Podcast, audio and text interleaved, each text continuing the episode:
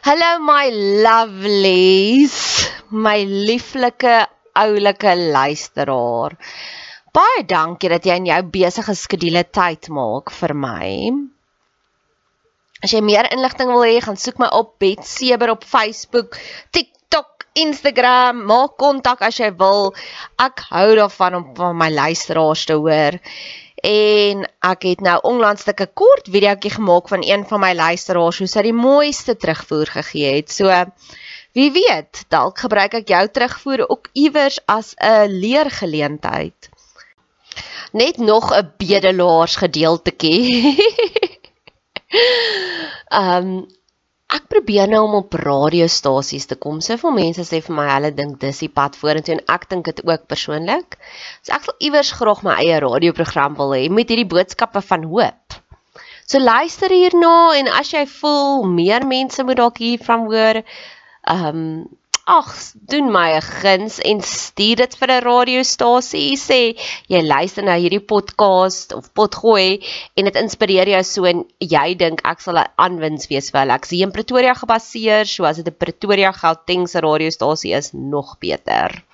So, hierse sê mos jy het nie want jy vra nie, so nou vra ek. Ek het nog 'n uitnodiging wat ek graag aan jou wil voorlê vir die volgende 15 kommentare wat ek kry. Positiewe, uplifting, persoonlike kommentare. So moenie net sê jy het lekker geluister nie. Sê vir my hierdie gedeelte was wat vir jou aangeraak het. Vir die eerste 15 wat 'n kommentaar lewer, sal ek sal ek met jou kontak maak en ek sal 'n podcast net vir jou maak. Ons kan gesels oor 'n probleem in jou lewe, ons kan gesels oor jou drome, ons kan gesels as jy getuienis het, wat ook al. Ons kan 'n onderhoud voer of ek kan dit 'n podcast opdra na jou toe. Ons kan dit anoniem hou of jy kan jou naam noem net soos wat dit jou pas. Jy is welkom om kommentaar te lewer hier op hierdie podcast kanaal, op ons Instagram, op Facebook, op TikTok, ek's oral. Ek sien uit daarna. Ek het jare terug vir God gebid. Here, leer my al die verskillende dimensies van liefde. Ware agape liefde. Want Ek glo ons almal se kernprobleem is ons is 'n bietjie bang. Bietjie bietjie bang vir dinge, bang vir verhoudings, bang vir om waar om ons drome na te volg.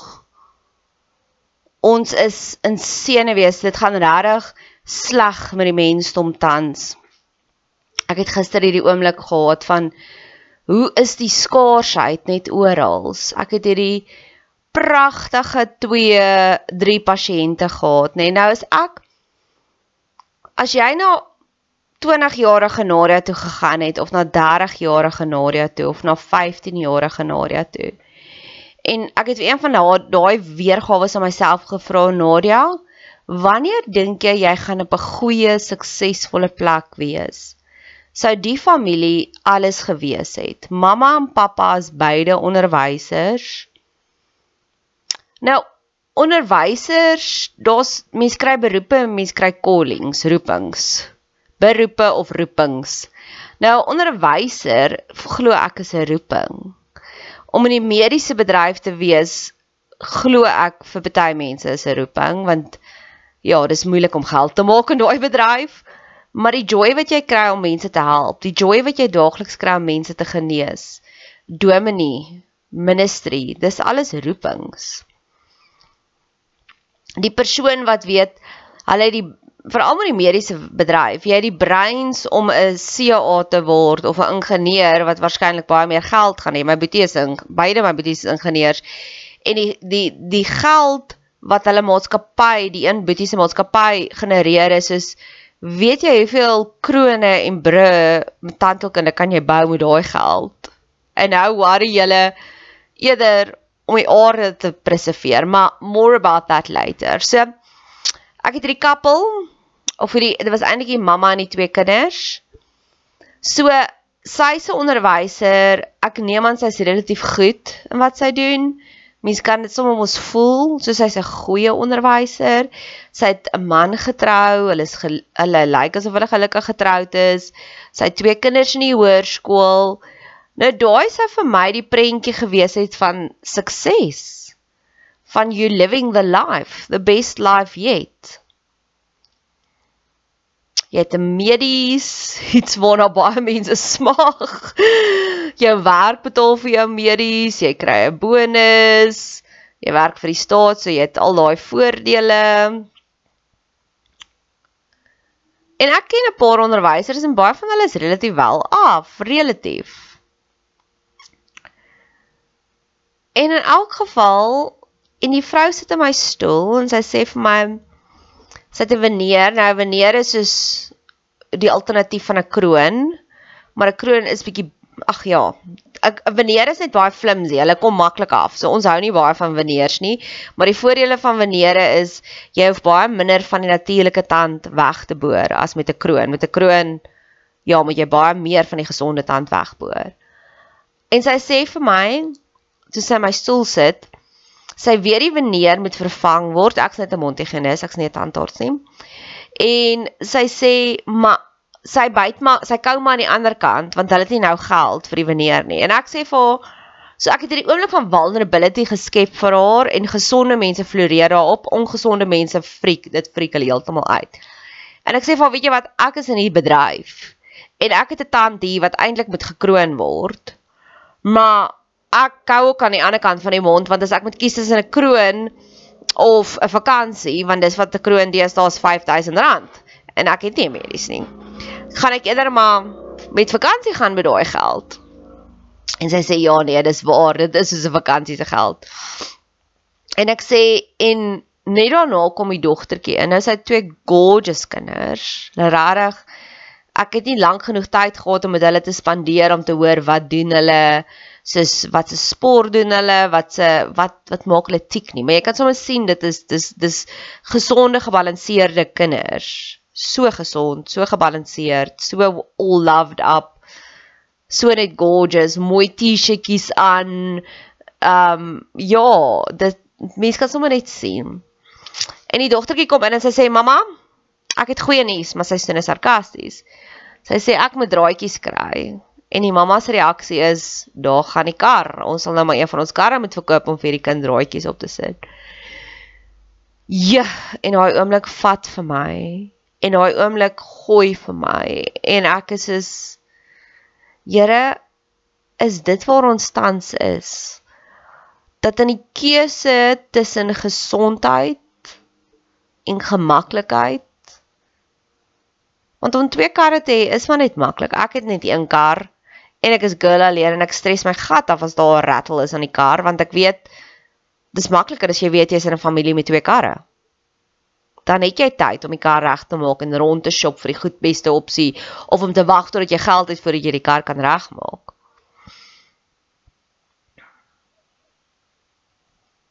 Ja, en dis dis 'n tekort aan liefde eintlik want dis vrees, dis skaarsheid. Nou ek is nog nie op daai la la land van God sal voorsien en alles sal oukei okay wees nie. Nee, ek struggle hoeka vandag met daarmee wat ek voel doen minder Nadia en laat God meer doen. Maar hier sit ek alweer en maak nog 'n podcast in my doen minder dag. Maar hierdie is die podcast oor liefde want ek weet daar is liefde. Die perfekte liefde dryf die vrees na buite. En ek is 'n baie praktiese mens. Ek hou van praktiese dinge. Ek hou nie net van la la land nie. In elk geval op Spiral Dynamics vibe jy vir baie lae vlakkie as jy net glo in la la land. Ek wil wetenskaplik geloof aanpak. En in hierdie week besef ek ek het twee radikale lesse geleer, dalk 3 van liefde.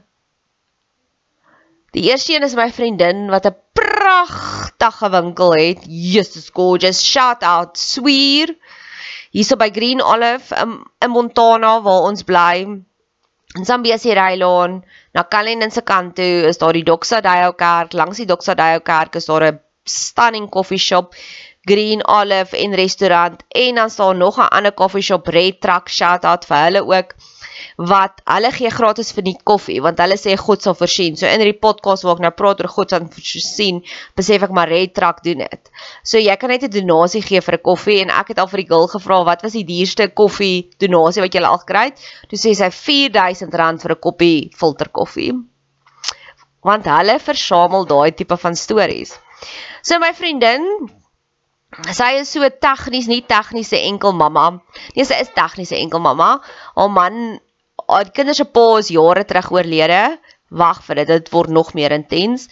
Sy die tweeling was 2 jaar oud en die dogtertjie, die ander enetjie was 4 jaar oud toe sy haar man oorlede. En sy het daai kinders groot gemaak. Die een is nou al eerste jaar op universiteit, die die tweeling is in graad 11. En as ek sê sy het 'n sukses gemaak van daai drie kinders, moet jy my glo op alle vlakke is daai kinders 'n sukses. En ek praat nie ja, hulle sê algehele gesonde, universal gesonde kinders. En 6 jaar terug is sy weer getroud met 'n pragtige man, maar hy het 4 kinders van haar eie. So sy's eintlik 'n enkel ouer want haar man moet sy eie 4 kinders grootmaak en hulle ma bly 2000 km weg en ja, sien die kinders net elke tweede Kersfees. So hy maak sy 4 kinders alleen groot. Sy maak haar 3 kinders alleen groot en dan sy nog 'n entrepreneur. En sy het in die mooiste winkeltjies swier. Maar ek weet die uitdagings. Ek kom eers by myself uit, nee, ek het nou net eers my tone gedoen, gaga gel en ek is enkel en ek het nie kinders nie en ek het vir 2 dae lank met 'n halfgebakte lelike tone geloop want ek het net nie uitgekom daarbey om dit te fix nie. So in elk geval, so dis ek vir hoor hier. Ek wil graag jou backup plan wees. Ek hou van mense, ek hou van mooi goed. Ek het ekstra tyd. Wil jy my oplei en vir my alles leer van jou winkel? Hoe werk die kredietkaartmasjien? Hoe pak jy dit uit?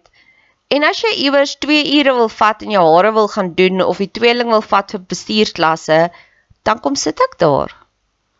Ek hou baie van skryf. Ek sê vaak sal my laptop saambring. Die winkel groei nog, so daar's nie die heeltyd mense nie. Toe sê ek vir want oor 5 jaar van nou af, weet jy, jy het altyd jou winkel oop gehou en jy was nog steeds 'n goeie mamma. So ek het Dinsdagoggend die heel oggend by haar spandeer en dit was so lekker. Want elke gedeelte van daai winkel is soos Gerobinson Crusoe. Dis so selektief gekies wat sy daar het. Sy het swierprodukte en dan sy mamer nougat en carmine tee en ek drink nou carmine tee, die detox enetjie. Piepie myself dood. Ek het lekker baie energie. En sy sê vir my die storie vertel van hoe sy elke een van daardie produkte hand geselekteer. En dis vir my 'n tipe van 'n praktiese liefde. En dis iets waarmee ek gestruggle het want paar weke terug het ek 'n preek geluister van Jesus wat gekom het om ons te dien. Jesus het sy disippels se voete gewas. En ek het al baie mense se spreekwoordelike voete probeer was en dan sit so harde werk. Maar hierdie was so maklik en hierdie het my, dis die gift that keeps on giving. So daar was een lesie om net vir iemand te sê hoor hier, waarmee kan ek jou help? Ek kyk so op na jou. Jy is nie 'n projek nie. Jy is nie 'n charity case nie. Maar hoe kan ek jou lewe vir jou beter maak?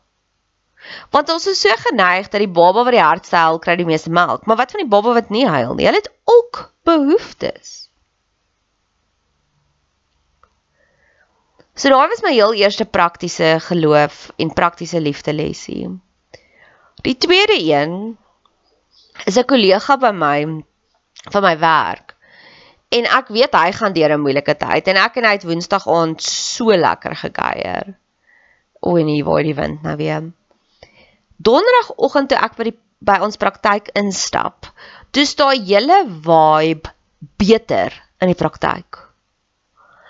Ek kon voel hoe's almal net meer happier. En ek glo dis omdat ek by die een wat die afvlakkie het gaan kuier het en vir hom gesê het en hy het begin praat en toe sê hy, ah, "Maar ek gaan nie die heel aand op jou skouer huil nie." Toe sê ek vir hom, "Maar wie se ander skouer huil jy tans?" Huil op my skouer. Ek het nou die kapasiteit. Die donderdagoggend het hy ingekom, hy het gaan grappies maak met my ander kollega. Sy het my meer gedien daai dag. Sy weet niemand weet van ons kuier nie. Maar die punt van die saak is wanneer jy genesing bring vir een persoon, dit rippel uit. En ja, sy omstandighede is nog steeds dieselfde. Niks het verander nie.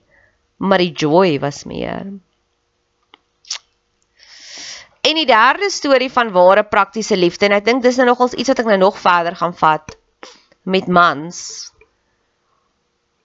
Want ek het verlede week 'n verhouding beëindig en in my kop lo, lo, loop dit die hele tyd rond wat ek voel ek dink nie mans weet wat hulle hê nie. Want sy ja, voordat ons begin kuier het, het hy vir my gesê ek is alles die tikluisie is daar. En dit was sy struggle. Toe hy begin onttrek, emosioneel onttrek uit die verhouding uit. En op 'n stadium het hy vir my gesê hy weet nie wat fout met hom nie. Ek weet. Hy's net bruised. Hy's bang.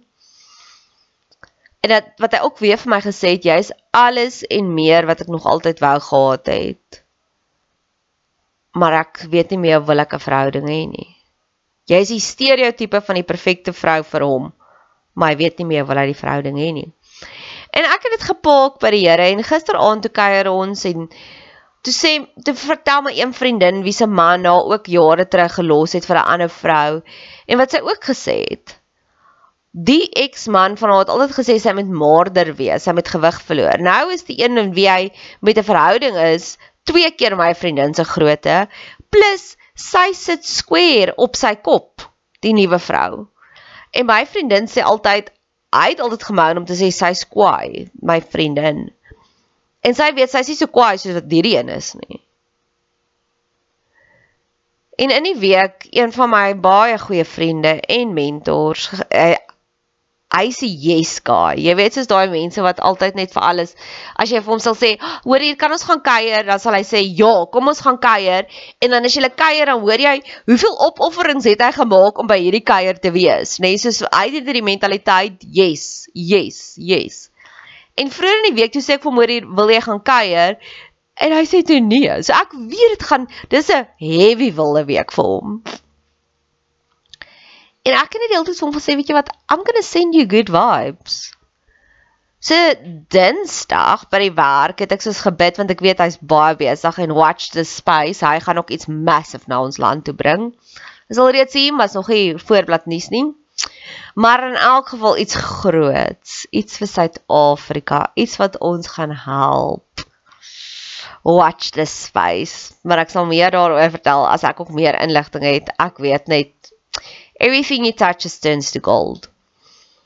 En in elk geval, so Dinsdag vir die werk bid ek, Here, daai selfde krag wat u gebruik het om binne 7 dae die aarde en alles te skep, gee asseblief vir hom daardie krag. Gee asseblief vir hom daardie fenominale energie. Here, maak asseblief soos wat Josua gesê het, laat die tyd, laat die son en die maan stil staan. Met ander woorde, jy het net 3 minute en jy moet 50 dinge doen in daai 3 minute, dan bid jy vir daai gebed. Ek het ook geweet hy gaan nie baie slaap nie, so ek het gesê, Here, die broodjies en die visse se vermeerdering. As hy net 2 ure se slaap kan kry, laat dit goed genoeg is vir hom soos 6 ure se slaap ek het nog goed vir hom gebid. O ja, op daai dag het ek so 'n baie spesiale oomblik gehad met iemand en toe sê ek, Here, ek weet nie wat is sy spesiale oomblik nie, maar gee asseblief hom iets soos dit wat my nou so geinfused het, 'n unique holy sacred moment. Ek het ook vir hom gebid laat hy um heilige respek sal kry van almal wat rondom hom is. En ek het vir hom gebid vir 'n span en dat dit nie net enige span is wat hom dien nie laat dit kings and queens wees wat hom dien. En kort daarna nadat ek vir hom begin bid het toe stuur hy vir my boodskappe. Toe besef ek sjoe as hy tyd het om vir my boodskappe te stuur ah my work here is done